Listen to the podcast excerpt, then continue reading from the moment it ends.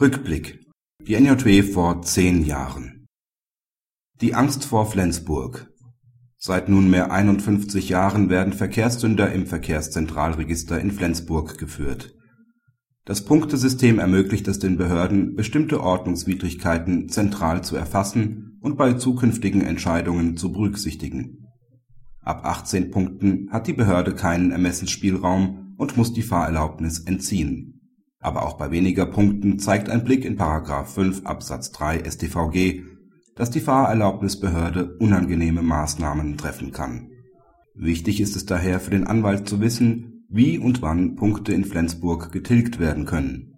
Mit den Tilgungsfristen und einem Verwertungsverbot für Eintragungen im Verkehrszentralregister hatte kürzlich das Kammergericht zu tun.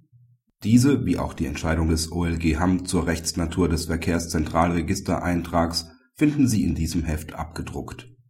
Ob es die Angst vor Punkten in Flensburg war, die den Angeklagten dazu bewegte, ein Verkehrsschild (zulässige Höchstgeschwindigkeit von 30 km/h) mit einer 50 km/h Folie zu überkleben?